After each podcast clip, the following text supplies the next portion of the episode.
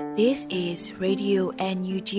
the voice of National Unity Government of Myanmar, broadcasting for Myanmar's Spring Revolution. Radio NUG is transmitting from shortwave 16 meter 17.79 megahertz at 8:30 a.m. and 25 meter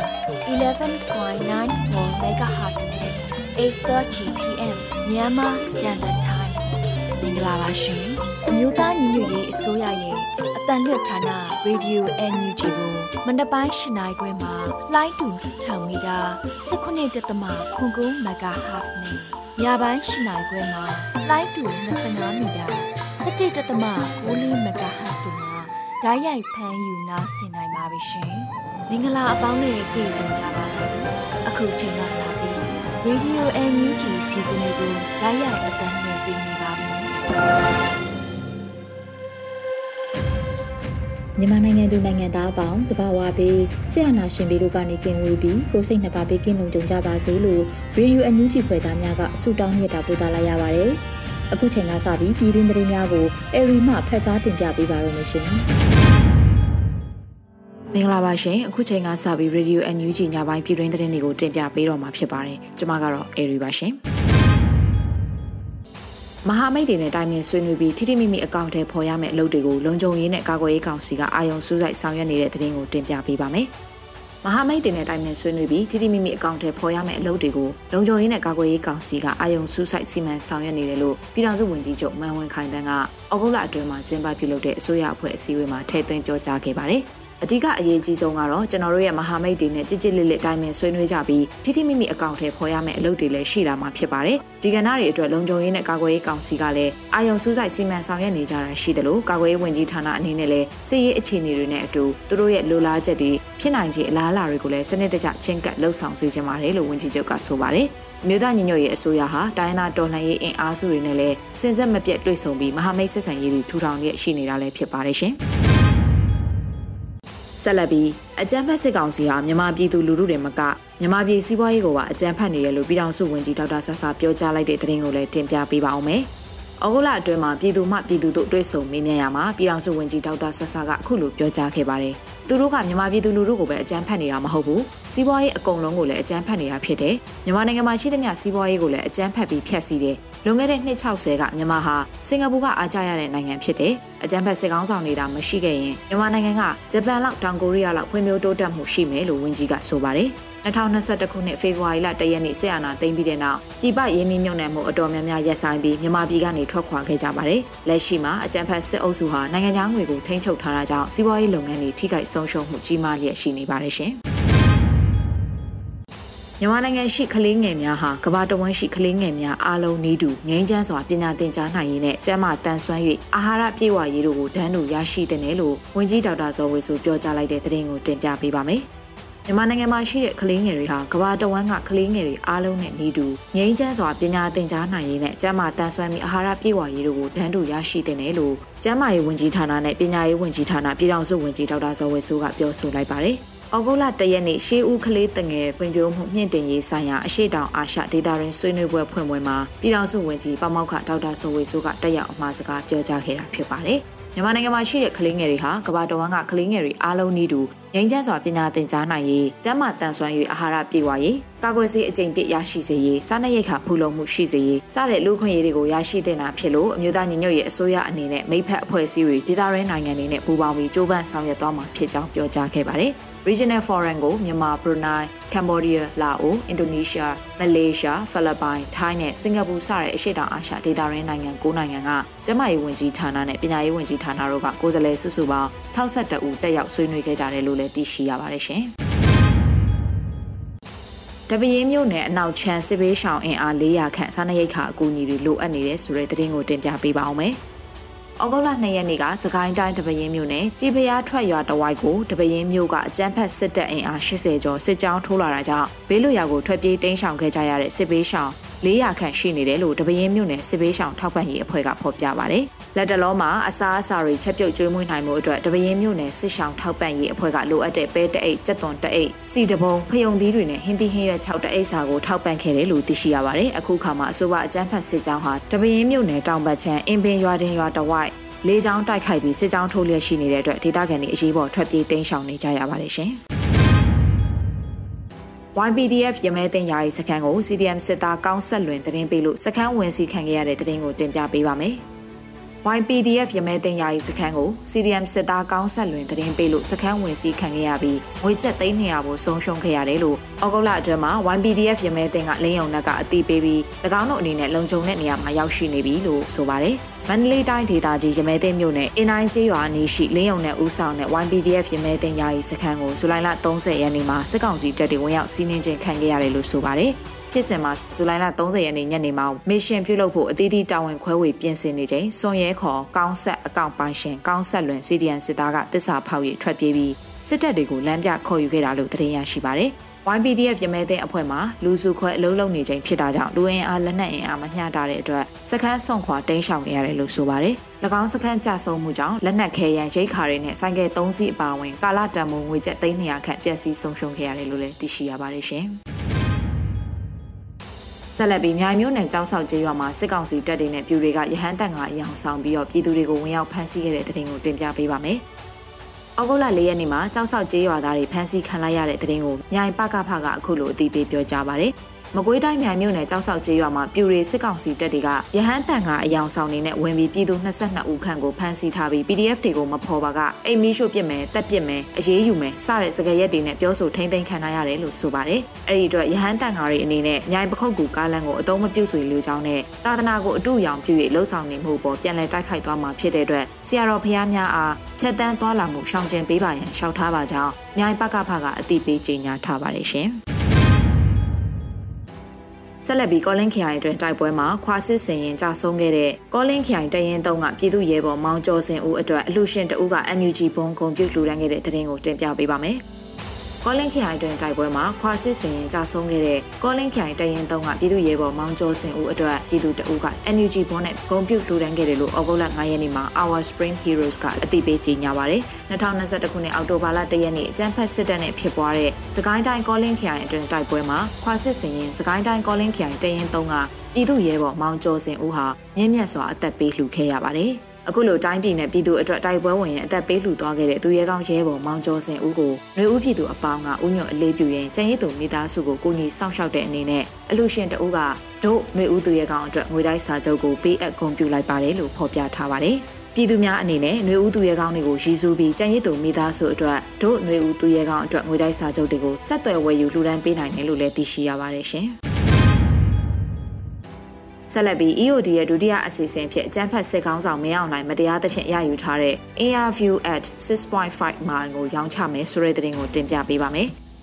EOD ရဲ့ဒုတိယအစီအစဉ်ဖြစ်အကြမ်းဖက်စစ်ကောင်းဆောင်မင်းအောင်လှိုင်မတရားသဖြင့်ရယူထားတဲ့ ARView at 6.5 mile ကိုရောင်းချမယ်လို့ဩဂုတ်လ9ရက်နေ့မှာ EOD ကတရားဝင်အသိပေးဖော်ပြပါတယ်။အာနာရှင်အဆုံးသက်နီကွန် The End of Dictatorship EOD ရဲ့ဒုတိယအစီအစဉ်အဖြစ်အကြမ်းဖက်စစ်ကောင်ဆောင်မင်းအောင်လှိုင်မတရားသဖြင့်ရယူထားတဲ့ရန်ကုန်တိုင်းလှိုင်မြို့နယ်6မိုင်ခွဲရှိနိုင်ငံတော်ပိုင်မြေနဲ့အဆောက်အုံရဲ့ဗန္ဒာရေးဆိုင်ရာပိုင်ဆိုင်ခွင့်ကိုအများပြည်သူဝယ်ယူနိုင်ဖို့အတွက်2022ခုနှစ်ဩဂုတ်လ9ရက်နေ့မှာစတင်ရောင်းချပြီးဖြစ်ပါတယ်။ အဆိုပါနိုင်ငံတော်ပိုင်မြေမှာ1.8ဧကကျယ်ဝန်းပြီးကာလပေါက်ဈေးအဖြစ် American Dollar တန်း20ကျော်တန်ကြေးရှိပါတယ်လို့ဆိုပါတယ်။လက်ရှိမှာ The End of Dictatorship EOD ကရောင်းချတဲ့အခါကာလတန်ကြေးရဲ့သုံးပုံတစ်ပုံ American Dollar 9တန်းသာတန်ဖိုးဖြတ်ပြီးအစုရှယ်ယာ9တောင်းကိုရောင်းချသွားမှာဖြစ်ပြီးရှယ်ယာတစုကို American Dollar 100သတ်မှတ်ထားပါတယ်။ EOD ရဲ့ပထမအစီအစဉ်14အင်အားကိုရောင်းချပေးခဲ့တဲ့ကမ္ဘာနိုင်ငံအသီးသီးကကိုယ်စားလှယ်တွေထံချိတ်ဆက်ပြီးဝယ်ယူနိုင်မယ်လို့လည်းကြေညာထားပါတယ်ရှင်။ အခုတင်ပြပေးခဲ့တဲ့သတင်းတွေကိုတော့ Radio NUG သတင်းတောင်မင်းမင်းကပေးပို့ထားတာဖြစ်ပါတယ်ရှင်။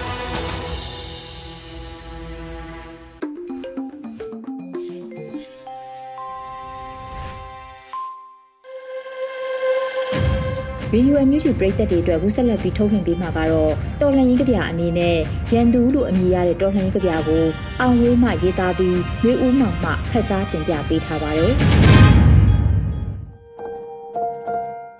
ရန်သူအမေကျွန်တော်တို့မှာ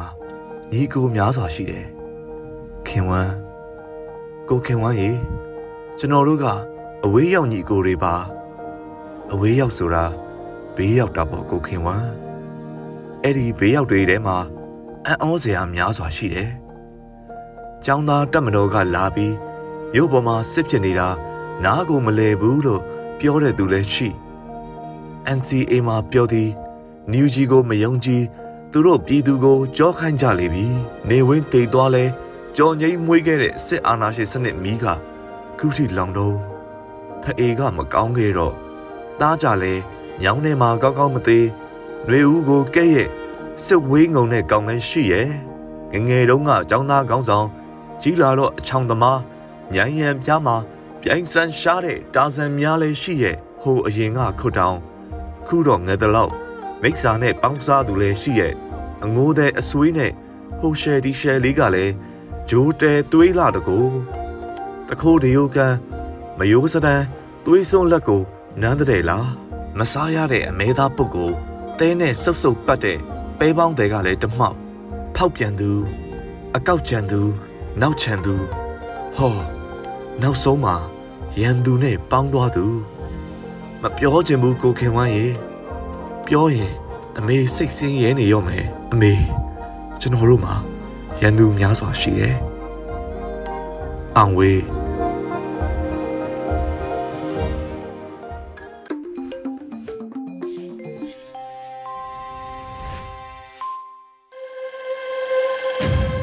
ရေဒီယိုအန်ယူတီမှာဆက်လက်တန်လှည့်ပေးနေပါတယ်။အခုဆက်လက်ပြီးနားဆင်ကြရမှာကတော့တော်လှန်ရေးဆောင်းပါးအနေနဲ့ မိုးခတင်ဆက်ထားတဲ့စီဒီအန်တို့ရဲ့အတန်းနဲ့အာမန်အပိုင်း16ကိုနားဆင်ကြရတော့မှာဖြစ်ပါရဲ့ရှင်။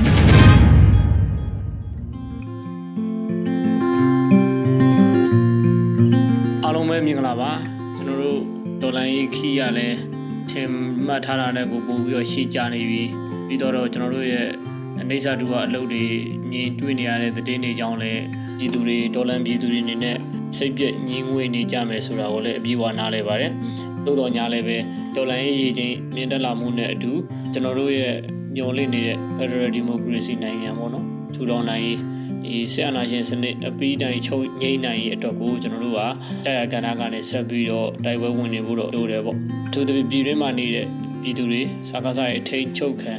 နေမြေထဲမှာရှိနေသေးတဲ့ပြည်သူတွေအနေနဲ့အဲမိမိတို့ရဲ့ဒီလုံခြုံရေးပေါ့နော်အဆောင်နေအခက်အခဲလုံခြုံရေးတွေဒါတွေကိုလုံခြုံပေးကင်းဖို့ ဆက်လက်ပြီးရှင်းသန်နေထိုင်ဖို့အတွက်ကိုလည်းစူးစမ်းနေဖို့တော့လိုအောင်မယ်ကျွန်တော်တို့ဒီလက်ရှိမှာဆိုရင်နိုင်ငံတကာကနေပြီးတော့မြန်မာအရေးကိုပို့ပြီးတော့ထူးထူးခြားခြားတတိတသာပေါ့နော် PPCC ဆောင်ရွက်လာတာကိုလည်းကျွန်တော်တို့ဒီရက်ပိုင်းမှာတတိထားမိမှာပါအားလုံးပဲသူတပြည့်မလေးဆိုလို့ရှိရင်ပြပြတတရက်တည်တယ်ပေါ့နော်မြန်မာပြည်သူတွေနဲ့အတူမြန်မာဒီပြည်သူဆိုရပေါ့ NUG ကိုပြပြတတတက်တွဲတယ် နောက်ဒီစင်ကာပူလို့ဆိုလို့ရှိရင်လည်းစက်ကောင်စီနဲ့ဆက်ပြီးတော့တက်တွဲရင်စက်ကောင်စီကိုထောက်ခံရင်တစားကန်တော့အဖြစ်မခံနိုင်ဘူးဆိုတဲ့စကားမျိုးတွေပြောလာတယ်ပေါ့နောက်ဒီ US ဆိုလို့ရှိရင်လည်းအာဆီယံပြည်ပြင်းထန်ထန်ဝေဖန်ပြီးတော့သတိပေးရမျိုးတွေရှိတယ်ပေါ့သူတို့ကိုယ်တိုင်ဝင်ပြီးတော့ဆောင်ရွက်မယ်ဆိုတာမျိုးတွေပေါ့နောက်ပြည်ရင်းပြည်ပမှာရှိကြတဲ့အထူးသဖြင့်ပြည်ပရောက်ရွှေမြန်မာတွေပေါ့ရွှေမြန်မာတွေရဲ့ပါဝင်မှုပေါ့ဒီ project တွေမှာ intai RI ပါဝင်မှုတွေကိုကျွန်တော်တို့တွေ့ရမှာပါအဲ့တော့ပြည်တွင်းမှာရှိကြတဲ့အထူးသဖြင့်ပြည်တွင်းမှာရှိကြတဲ့အကသာထိန်ချုပ်ခံနေမြန်မာရှိနေကြတဲ့တော်လန်ပြည်သူတွေပြည်ပမှာရှိနေအားလုံးပါပဲပြည်သူတွေကိုအားပေးကြတာကကျွန်တော်တို့ပြင်ပန်းနေတာကိုသိတယ်ညီငွေနေပြီဆိုတာကိုလည်းသိတယ်တော်တော်လေးကိုပွဲပန်းနေပြီဆိုတာကိုနားလည်ပါတယ်ကျွန်တော်တို့ဒီလိုမျိုးပြည်သူတွေအားတက်အောင်ပြောပေးနေတဲ့သူတွေကိုနိုင်ကိုကကျွန်တော်တို့ရဲ့အတန်တွေကိုနားထောင်ကြည့်နေသတိထားမိမှာပါကျွန်တော်တို့ကိုနိုင်ကလည်း ပွဲပန်းမှုခံစားလာရတယ်ပေါ့ကျွန်တော်တို့ဘာတွေပြောအမယ်ဆိုတော့တော်တော်လေးစဉ်းစားကြက်လာပါတယ်ပေါ့နော်ဒီအစည်းအဝေးတွေအခမ်းအနားတွေမှာပြောပါဆိုလို့ရှိရင်စကလုံးတွေနဲ့ထပ်လာတယ်အကြောင်းထပ်လာတာမျိုးတွေရှိတယ်ပေါ့တိုးတော်လည်းညာလဲအာနနာနဲ့ပဲအားပေးချင်တာကကျွန်တော်တို့ကစပြီးပြီးပန်းနိုင်ကိုလည်းမြင်နေရပြီဘယ်လိုသွားရင်ရောက်မယ်ဆိုတော့လည်းသိပြီ တိုးတော်ညာလဲပေါ့နော်ခီးဂျားထဲမှာခိုက်တန်အကွာဝေးလေးရနည်းနည်းလေးရှိနေသေးတယ်ပေါ့နော်အဲ့ဒါကိုကျွန်တော်တို့ကပြိုင်သူစူပေါင်းအားနဲ့အမြန်ဆုံးရောက်အောင်သွားဖို့လိုတယ်လို့ကျွန်တော်အနေနဲ့ယူဆတယ်အဲ့တော့တိုက်တွန်းကျင်တယ်ပေါ့တိုက်တွန်းကျင်တယ်ဒီအချိန်မှာကစီလုံးမို့လိုမဲ့ချင်းချင်းပွတ်တိုက်တာတွေလည်းဖြစ်ကောင်းဖြစ်နိုင်တယ်ပေါ့နော်ပွတ်တိုက်တာတွေဖြစ်ကောင်းဖြစ်နိုင်တယ်ဒါပေမဲ့ဘုံရန်သူကိုမျက်ရှိမပြတ်ဖို့ကအတိကအရေးကြီးတယ်နော်ကိုယ့်ရဲ့လုံအားပေါ့ပါဝင်နိုင်မှုလုံအားအဲ့ဒါကိုလည်းရှော့မပစ်လိုက်ဖို့လိုတယ်တချို့ကြတော့လည်းပြောတာပေါ့ CDM တွေကို အမြဲတမ်းစိတ်တကြအောင်ပြောနေကြစကားကယုံပြန်တက်လဲမထူမတက်လဲမထူအဲ့တော့ယုံမြတက်ပါလားဆိုပြီးတော့ဆွေနေကြတာတွေရှိတယ်ပေါ့တစ်ဖက်လဲနေအဲ့လိုမျိုးတွေရှိတယ်မှတ်ထားရမှာကနှမ်းတစ်လုံးနဲ့စီမဖြစ်ပေမဲ့နှမ်းအများကြီးပေါင်းလိုက်ရင်စီဖြစ်လာတယ်ပေါ့ဒေါ်လာကြီးမှမပါတဲ့ CDM တွေ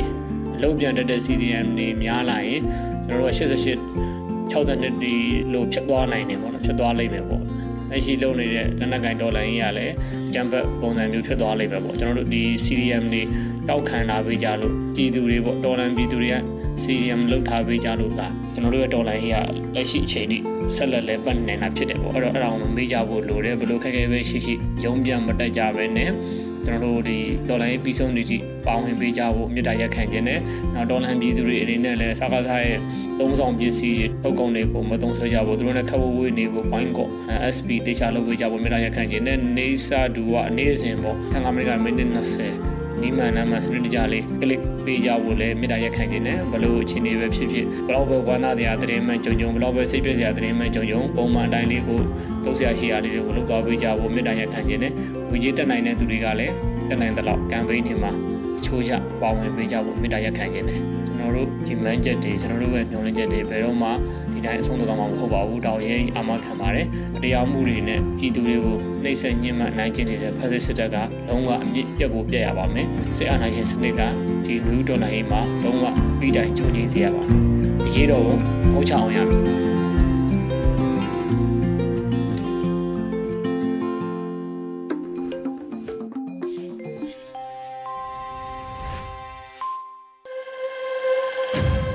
ရေဒီယိုအန်ယူဂျီရဲ့ညပိုင်းစီစဉ်တွေကိုဆက်လက်တင်ပြနေပါတယ်။အခုဆက်လက်ပြီးတော်လန်ရေးအမှုပညာအနေနဲ့တန့်ဝေကျော်တင်ဆက်ထားတဲ့ဖြစ်ကြောင်းကုံစင်အညာတခွင်အပိုင်း7ကိုနားဆင်ကြရတော့မှာဖြစ်ပါရဲ့ရှင်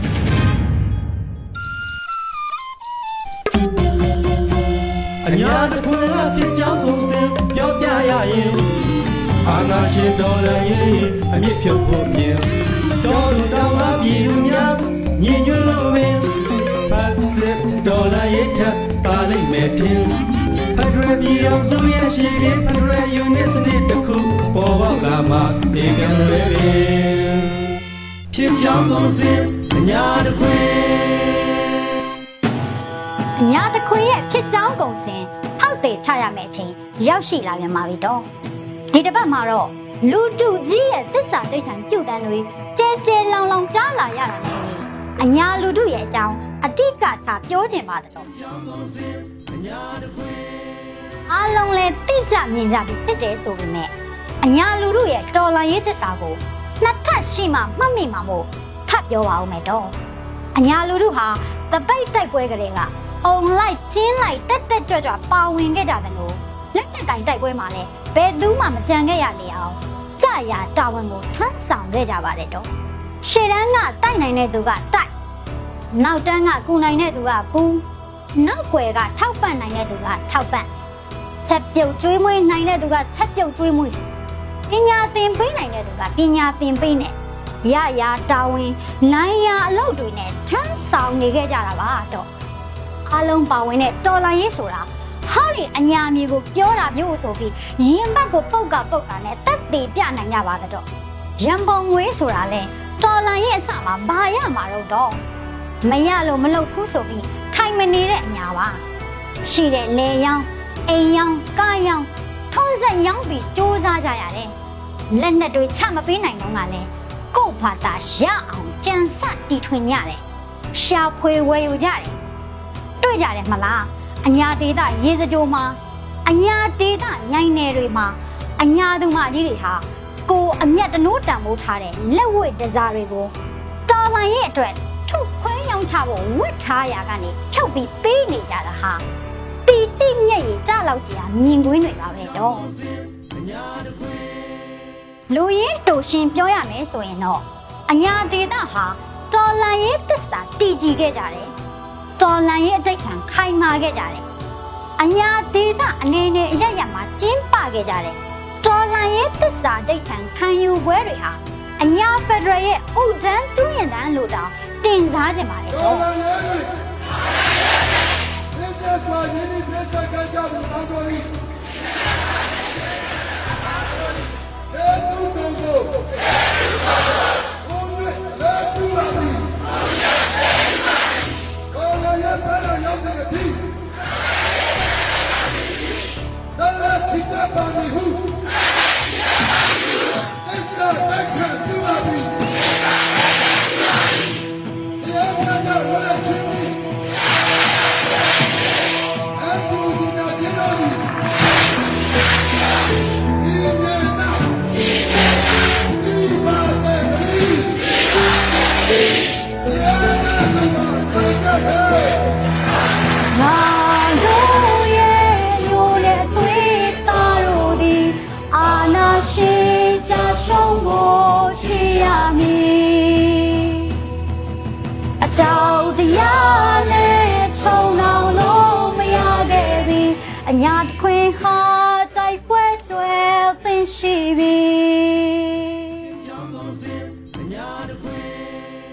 မူထူးကြတာကပြည်သူတော်လှန်ရေးတပ်တွေဟာ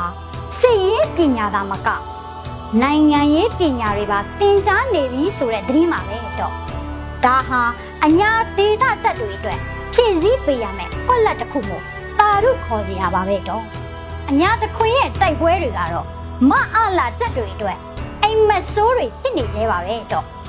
မမများနဲ့ပွဲကမယ်အညာတခွင်ရဲ့40မမလက်စွမ်းလေးတွေလည်း ကြည့်လိုက်ကြပါဦးဒါဟာကလေးပကဖရဲ့ကိုယ်တိုင်ထုတ်မိတ်ရင်ဒီရင်လက်နက်တွေပါပဲတော့အံ့ဩသွားပြီလားမအံ့ဩပါနဲ့မမများနဲ့ဒီထက်ပွဲကစီရင်အလူငွေသိန်း3000ပြည့်အောင်သွားဖြည့်လိုက်စမ်းပါတော့မုံရွာမြင်းမူလမ်းမှာတော့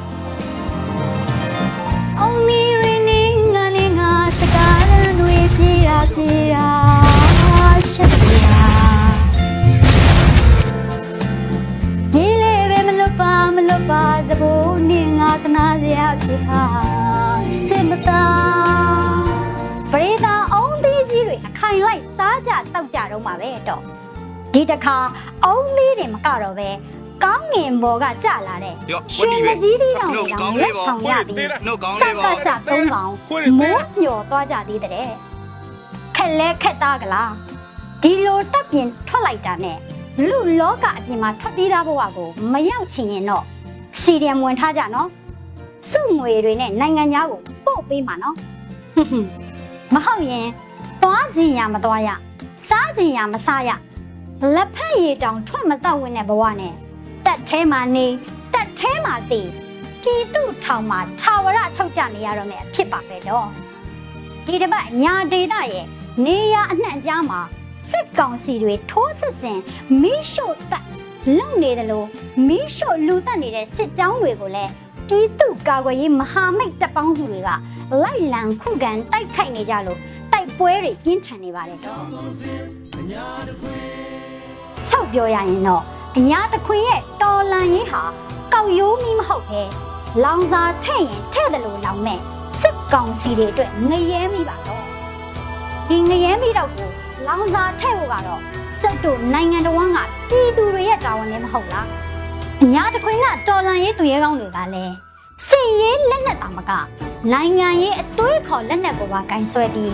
စစ်အာဏာရှင်ကိုပြုတ်ကြတဲ့အထိတိုက်ပွဲဝင်နိုင်ပါစေကြောင်းဆုတောင်းတိုက်ခံပြုလိုက်ရပါတယ်။ညပါ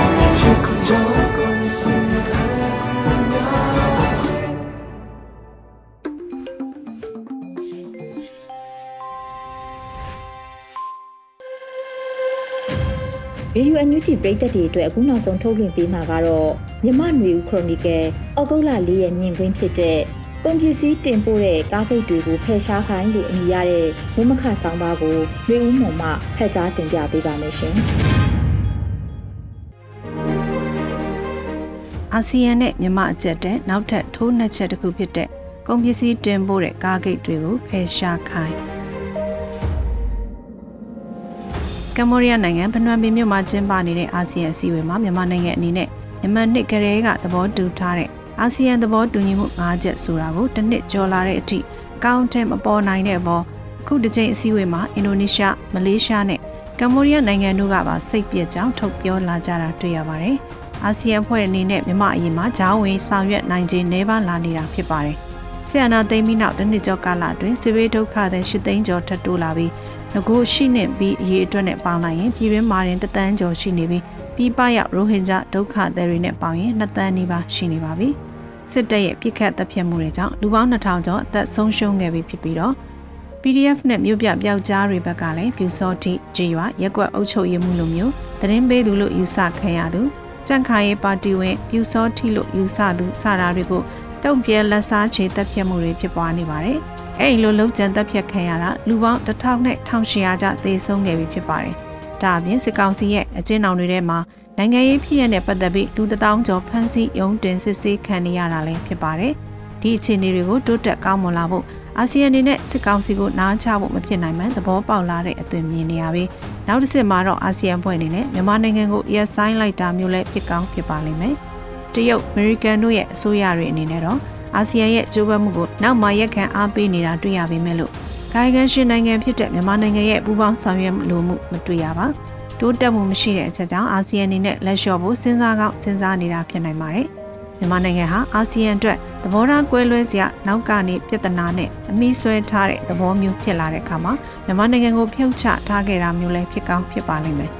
1998ခုနှစ်အာဆီယံဖွဲ့ဝင်ဖြစ်ခဲ့တဲ့မြန်မာနိုင်ငံအဖို့25နှစ်အကြာမှပြန်ပြီးထွက်ခွာရတဲ့ကံကြမ္မာမျိုးကြုံကောင်းကြုံရနိုင်ပါတယ်။မြန်မာနိုင်ငံအနေနဲ့အာဆီယံဖွဲ့အတွက်ဘာအကျိုးရလဒ်မှမဖြစ်စေတဲ့အပြင်ပြဿနာတွေကိုသာဖြေရှင်းဖို့ကြိုးစားနေပေမဲ့လည်းပူးပေါင်းပါဝင်မှုမရှိဘူးလို့ထင်မြင်ယူဆလာကြကောင်းယူဆကြပါလိမ့်မယ်။မြန်မာနိုင်ငံကစစ်ကောင်စီကတော့တိုင်းပြည်မှာလက်နက်ကိုင်းပြပခါတွေဖြစ်ပွားနေတာကြောင့် သဘောတူညီမှု၅ချက်ကိုအကောင့်ထဲပေါ်ဖို့နှောင့်နှေးနေတာလို့ဩဂုတ်လ၁ရက်နေ့မနက်ပြောတဲ့မိန့်ခွန်းမှာစင်ကြေးပေးခဲ့ပါတယ်။ပြီးခဲ့တဲ့နှစ်ဧပြီလစစ်ကောင်စီကောင်းဆောင်ဂျကာတာကိုတွားရောက်ပြီးအာဆီယံဖွဲ့ဝင်နိုင်ငံကောင်းဆောင်တွေနဲ့တွေ့ဆုံခဲ့ပြီးပြန်လာကာစကလေးကအာဆီယံသဘောတူညီမှု၅ချက်ကိုအခြေအနေတည်ငြိမ်မှုရမှအကောင့်ထဲပေါ်နိုင်မယ်လို့ပြောဆိုခဲ့ပြီးမူ၅ချက်ကိုကြောင်းထိုးထားခဲ့တာဖြစ်ပါတယ်။အဲ့ဒီကြားထဲမှာလက်နက်ကိုင်းတိုက်ခတ်မှုတွေပမာဏမများပြားတော့လဲမြို့ရင်းရွာတွေအထိစိတ်ဝင်လာတဲ့လက်နက်တွေလက်လုံမိုင်းတွေ လက်လုံတက်နက်တွေနဲ့လက်ဖြစ်လောင်ချလို့လက်နက်တွေတနိုင်ငံလုံးအနှံပြားရောက်ရှိလာပါတယ်။ထို့အတူစစ်ကောင်စီဘက်ကလည်းအညာတာမဲ့စွာတပ်ဖြတ်တာကြေးရွာတွေမိရှူတာတွေကိုအရင်ရင်ကမကျင့်သုံးမှုတဲ့ဒေသတွေဖြစ်တဲ့မကွေးတိုင်းလိုစကိုင်းတိုင်းလိုဒေသတွေမှာမြေလံတပ်ဖြတ်ကြေးရွာတွေဖျက်ဆီးတဲ့အထိအလွန်ကျွံချေမုံဖျက်ဆီးတာတွေဖြစ်လာပါတယ်။လူသားချင်းစာနာမှုကင်းမဲ့လာပြီးကပ်ဘေးဖြစ်ပွားလောက်တဲ့အထိဒေခါဖြတ်စေဝါဖြတ်ဆက်သွယ်ရေးဖြတ် ပိုင်ဆိုင်မှုဖျက်ဆီးစတဲ့နီလန်းတွေတုံးပြီးလက်နက်ကိုင်းပုံကန်တိုက်ခိုက်မှုကိုချိန်မုံမှုကြိုးစားလာတာဖြစ်ပါတယ်။စစ်ကောင်စီအနေနဲ့အာဆီယံဖွဲ့ဝင်အဖြစ်မှရက်စဲခံရတဲ့အခြေအနေမျိုးကိုလည်းမှန်းဆထားကောင်းမှန်းဆထားပါလိမ့်မယ်။တစ်ဖက်မှာအာဆီယံကိုယ်စားလှယ်ကတောင်းဆိုတဲ့အချက်တစ်ချက်ဖြစ်တဲ့ဒေါန်ဆန်းစုကြည်နဲ့ဆွေးနွေးပြောဆိုခွင့်ရရေးကိုတခြားလုံးရင်းဆန်ခဲ့ပြီးမကြခင်ကတော့တင့်တော်တဲ့အချိန်ကြရင်တွေးခွင့်ပေးမယ်လို့စစ်ကောင်စီဥက္ကဋ္ဌကပြောကြောင်းသတင်းတွေပါခဲ့ကြပါတယ်။ဒီနေ့ဖို့အခြားသတင်းတစ်ပုဒ်ကတော့ ရန်ကုန်မြို့ဘူတာကြီးမျက်နှာချင်းဆိုင်ကအဝေးပြေးကားလက်မဲ့ရောင်းတဲ့ဆိုင်တွေကို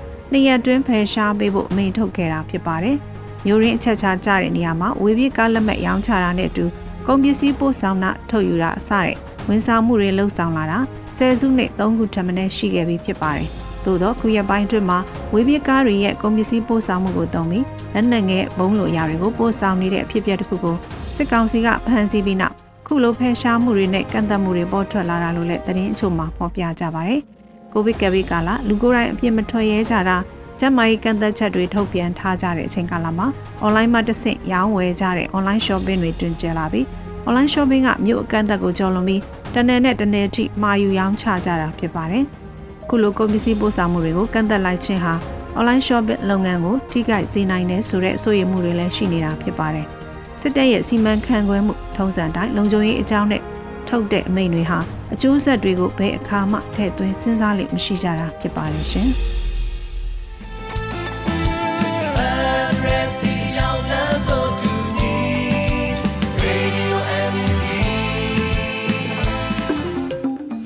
ကနေ့ကတော့ဒီညနေပဲ Radio NUG ရဲ့အ စီအစဉ်လေးကိုခေတ္တရ延လိုက်ပါမယ်ရှင်မြန်မာစံတော်ချိန်မနေ့၈နိုင်ခွဲနဲ့ည၈နိုင်ခွဲအချိန်တွေမှာပြောင်းလဲဆိုပြကြပါလို့ရှင် Radio NUG ကိုမနေ့ပိုင်း၈နိုင်ခွဲမှာ